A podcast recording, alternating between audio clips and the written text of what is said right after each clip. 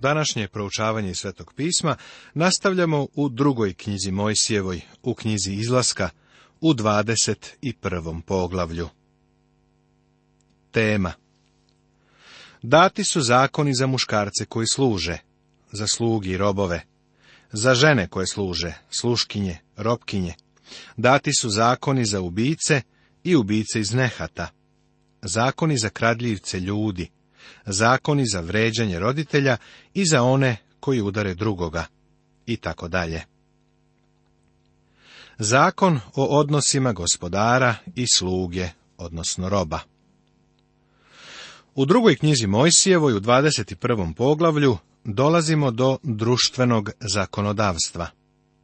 Ovaj ideo zakona je u ovom momentu značajan predmet jer su Izraelci u Egiptu bili robovi a ovo su zakoni koje ćeš im postaviti. Ako kupiš roba jevrejina, šest godina neka ti služi, a sedme nek otide slobodan bez otkupa. Ova dva stiha jasno pokazuju da Izraelci nisu smeli da nekoga od svoje braće trajno učine robom. Ako bude došao inokosan, neka i otide inokosan. Ako li bude imao ženu, neka i žena ide s njim. Ako ga gospodar njegov oženi, a žena mu rodi sinovi ili kćeri, žena s decom svojom, neka bude gospodaru njegovu, a on neka otide sam. Ako li rob reče tvrdo, ljubim gospodara svojega, ženu svoju i decu svoju, neću da idem da budem slobodan, onda neka ga dovede gospodar njegov pred sudije i postavi na vratima ili kod dovratka, i onda neka mu gospodar probuši uvo šilom, pa neka mu robuje do veka. Ovaj izvanredni zakon kaže da ako je jedan čovek rob, nakon sedam godina treba da bude oslobođen. Ako je bio oženjen kada je postao rob, sa sobom može da povede ženu.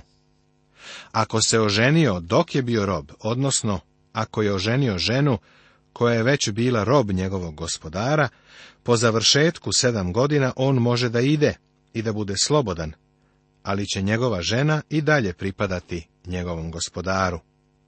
On će biti oslobođen, ali ne i njegova žena. Međutim, pošto on voli svoju ženu i svog gospodara, on može da odluči da ostane. A njegov gospodar treba da mu probuši uho šilom i na taj način označi da će svom gospodaru zauvek služiti. Ovo je divna slika gospoda Isusa Hrista. On je došao na ovaj svet i na sebe uzeo ljudsku prirodu. A svi mi smo bili robovi greha. On je mogao slobodno da ode. Mogao je da se vrati na nebo, na mesto kojemu je pripadalo u božanstvu i uopšte nije morao da prođe kroz vrata smrti. Nije morao da umre na krstu ali voljno je došao na zemlju i na sebe uzeo ljudsku prirodu. On je unizio samoga sebe i postao poslušan do smrti, do smrti na krstu, kaže se u poslanici Filipljanima u drugom poglavlju u osmom stihu. Psalam 40. od 6. do 8. stiha nastavlja i kaže Žrtve i darova nećeš. Ti si mi uši otvorio, žrtve paljenice i koja se za greh prinosi ne tražiš. I po tome rekoh, evo idem, kao što je u knjizi pisano za mene. Hoću činiti volju tvoju, Bože moj, i zakon je tvoj meni u srcu. Ovaj odeljak se odnosi na Hrista, jer nam poslanica Jevrejima, deseto poglavlje, od petog do devetog stiha kažu da je on to učinio. To se ispunilo kada je gospod došao na zemlju. Zato ulazeći u svet, govori o Hristu, govori Žrtava i prinosa nisi zaželeo, ali si mi telo pripravio. Nije samo njegovo uho bilo probušeno ili probijeno šilom, nego mu je Bog dao telo koje će on nositi kroz celu večnost.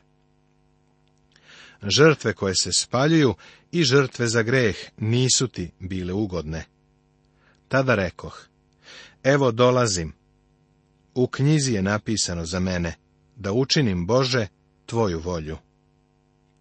Dok on gore govori, žrtava i prinosa, žrtava koje se spaljuju i žrtava za greh nisi zaželeo, niti su ti bile ugodne.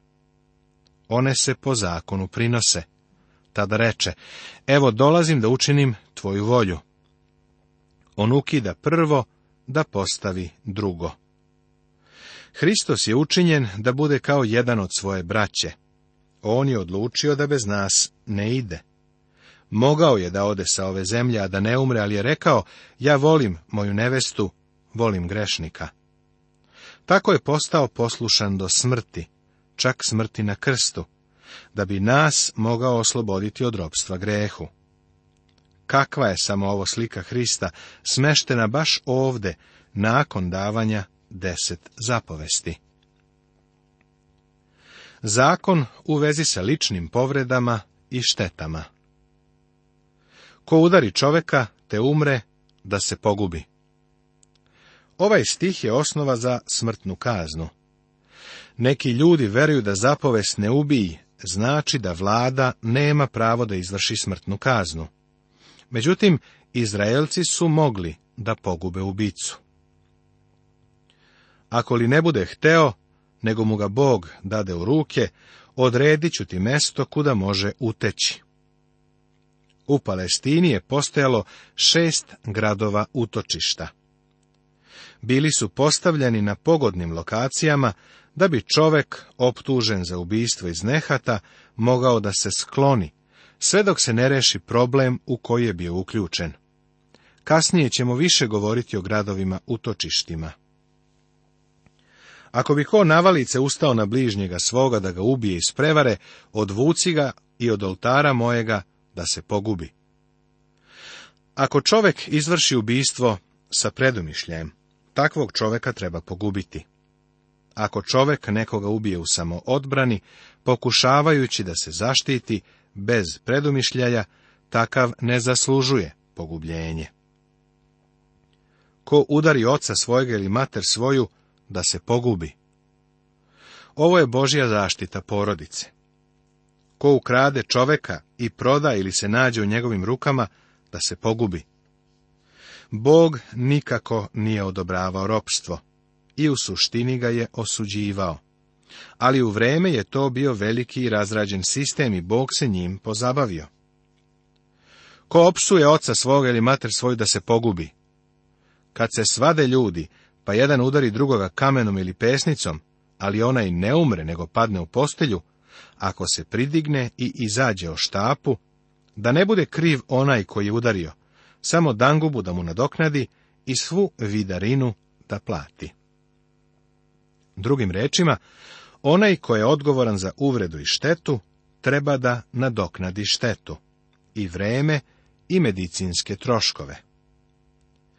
Gore navedeni zakoni i ostali zakoni u ovom poglavlju su osnova za zakone naše zemlje. Oni sačinjavaju osnovnu platformu zakona i poredka koji je neophodan da bi se na njemu gradio jedan civilizovan narod. Stihovi 24 i 25 sve to zaključuju ovim rečima. Oko za oko, zub za zub, ruku za ruku, nogu za nogu, užeg za užeg, ranu za ranu, modricu za modricu. Drugim rečima, ova dva stiha zagovaraju zakon reciprociteta. Zakon se mora primjenjivati ako uopšte hoćemo da zakona i reda ima, iako želimo zaštitu ljudskog života i posjeda. Hvala Bogu da kada je u pitanju naše spasenje, ne moramo da zavisimo od držanja zakona. Postoji onaj ko je spreman da nam pruži svoju blagodat da bismo se spasili, a to je gospod Isus Hristos. Poglavlje 22. Tema zakon o krađama, šteti, prestupima, pozemljivanju, bludu, veštičarenju, bestijalnosti, idolopoklonstvu i zakon o tuđincima i udovicama. Napomena Poglavlja od 21. do 24. druge knjige Mojsijeve, odnosno knjige izlaska, bave se društvenim zakonodavstvom, formulisani su osnovni zakoni koji su potrebni za ono što nazivamo civilizovanim društvom. Zakon o imovinskim pravima Neki ljudi danas postavljaju pitanje, šta je ispravno, a šta pogrešno? Neki kažu da su te vrednosti dobro i loše relativne. Jedan profesor univerziteta, koji za sebe tvrdi da je ateista, o tome je sa mnom razgovarao. On je zastupao stav da su dobro i loše relativne vrednosti, da ono što on smatra ispravnim i ono što ja smatram ispravnim mogu biti potpuno različite stvari.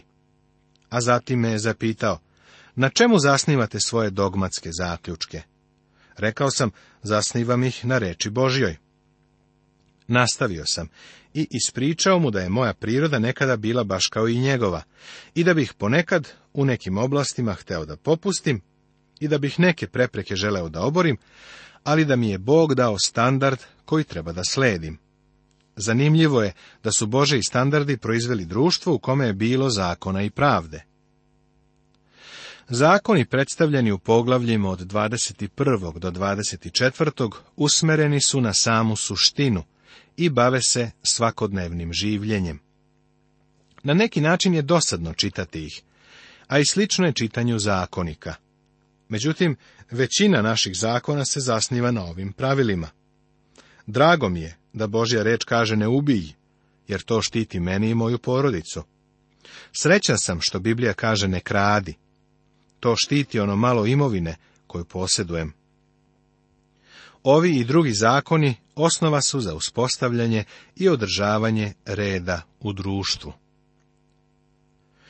Ko ukrade vola ili ovcu ili kozu i zakolje ili proda, da vrati pet volova za jednog vola, a četiri ovce ili koze za jednu ovcu ili kozu. Ne umem da kažem zašto pet volova treba da se vrati za jednog vola ili četiri ovce za jednu ovcu. Međutim, u Novom Zavetu Zahej se pozvao na ovaj princip. Zahej pak stadi i reče gospodu, vidi gospode, dajem polovinu svoga imanja siromasima, iako sam od koga što iznudio, vraćam četvorostruko. Ovo je zapisano u Evanđelju po Luki u 19. poglavlju 8. stihu Svetoga pisma Novog Zaveta. Zašto je to rekao? Pa pozvao se na Mojsijev zakon. Naš zakon danas kaže da ako uništiš imovinu jednog čoveka, moraš da platiš štetu. Sve što naše društvo zahteva jeste da kada oštetiš ili uništiš imovinu nekog drugog, to treba da mu nadoknadiš ili platiš koliko vredi. Boži zakon četvorostruke nadoknade je mnogo bolji za ljudsku prirodu. Ako četvorostruko treba da nadoknadimo bilo šta što je uništeno ili oštećeno, onda ćemo biti mnogo pažljiviji. Ljudska priroda je uvek ista, a i Bog je uvek isti. Bog se bavi čovekom na osnovu toga šta je za čoveka najbolje. Ako se lupež uhvati gde potkopava, te bude ranjen tako da umre, da ne bude kriv za krv onaj koji ga bude ubio. Ovaj zakon ti omogućava pravo na zaštitu. Ne tako davno neki lopov je upao u kuću jednog čoveka, a vlasnik kuće je pucao njega. Lopov je tužio vlasnika kuće za nadoknadu štete, u velikoj vrednosti. Slučaj je otišao na sud, lopov je dobio parnicu, na osnovu toga da vlasnik kuće nije imao pravo da puca na njega, a sve to na osnovu odluke nekog glupog sudije. Da bi platio nadoknadu, vlasnik kuće je morao da proda svoju imovinu a protiv lopova uopšte nije bilo suđenja. U naše vreme veliki naglasak se stavlja na zaštitu prava krivca na račun i štetu prava nedužnoga. Boži zakon štiti čovekovu imovinu i njegov dom. Pod tim principom čovek je opravdan kada brani svoju imovinu, svoj dom i voljenu porodicu. Bože i zakoni su osnovni principi koji društvu daju zakon i red da su ljudi sledili Božije društveno zakonodavstvo, kao što je dato u drugoj knjizi Mojsijevoj, ne bismo imali društvene probleme koji inače imamo po ulicama i gradovima Amerike. Naš celokupan zakonodavni sistem koji je bio zasnovan na Božjoj reči, prorešetali su ljudi koji ne poznaju Bibliju, jer im je ona tako daleka. Celokupna njihova pozadina je takva da oni nisu stvarno sposobni da tumače zakon. Ustav Amerike su pisali ljudi. Nisu svi oni bili hrišćani. U stvari, većina od njih su bili deisti, ali imali su izvesno poštovanje prema Božjoj reči. Ali ako se bude sunce rodilo, da je kriv za krv, a lupež sve da nadoknadi. Ako li ne bi imao, onda da se on proda za svoju krađu. Ako čovek dakle ukrade, treba da nadoknadi to što je ukrao, čak i do te mere da treba samoga sebe da proda u ropstvo da bi nadoknadio štetu. Ko potre njivu ili vinograd, pustivši stoku svoju da pase po tuđoj njivi, da nadoknadi najboljem svoje njive i najboljim i svoga vinograda. Ako nečija krava ili ovca provali u polje drugog čoveka i izazove štetu, vlasnik životinje treba da štetu nadoknadi. Ako izađe vatra i naiđe na trnje, pa izgori stog ili žito koje još stoji ili njiva, da nadoknadi onaj koji je zapalio. Ovo je praktičan stih koji nam pokazuje pravi način na koji treba da radimo. Ovo je sljedeći osnovni princip za dobrobit čovečanstva na zemlji. Bog je dao Izraelu Mojsijevski sistem da bi poslužio kao primjer narodima u svetu. Ko bi prevario devojku koja nije zaručena, te bi spavao sa njom da joj da prčiju i uzme je za ženu. Drugim rečima, ako čovek siluje devojku, moraće da je oženi. U našem vremenu stvari su potpuno drugačije. A ako mu je otac njezin ne bi hteo dati, da da novaca koliko ide u prčiju devojci. Ako se njen otac ne složi sa tim brakom, silovatelj mora da plati kaznu za ono što je učinio. Veštici ne daj da živi. Danas vidimo kako oživljava obožavanje Sotone i nadprirodnih stvari. Taj trend je stvaran i moćan. Ovim ćemo se više baviti kasnije u petoj knjizi Sjevoj. Ko bi obležio živinče da se pogubi?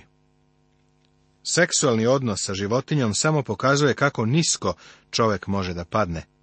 Zašto je Bog dao ovakav zakon? Zato što se ovo radilo. A oporavak ovakvih neopisivih užasnih postupaka u našem prosvetljenom društvu je i dalje primetan. Ko žrtvu prinosi bogovima drugim osim jedinoga gospoda da se istrebi kao prokletnik? Ovo je naravno bila najozbiljnija kazna.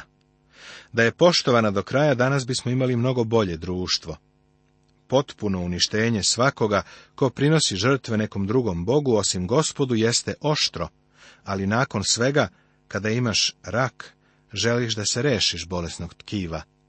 Baš o ovome Bog govori. Došljaku nemoj činiti krivo, niti ga cveliti, jer ste bili došljaci u zemlji Misirskoj.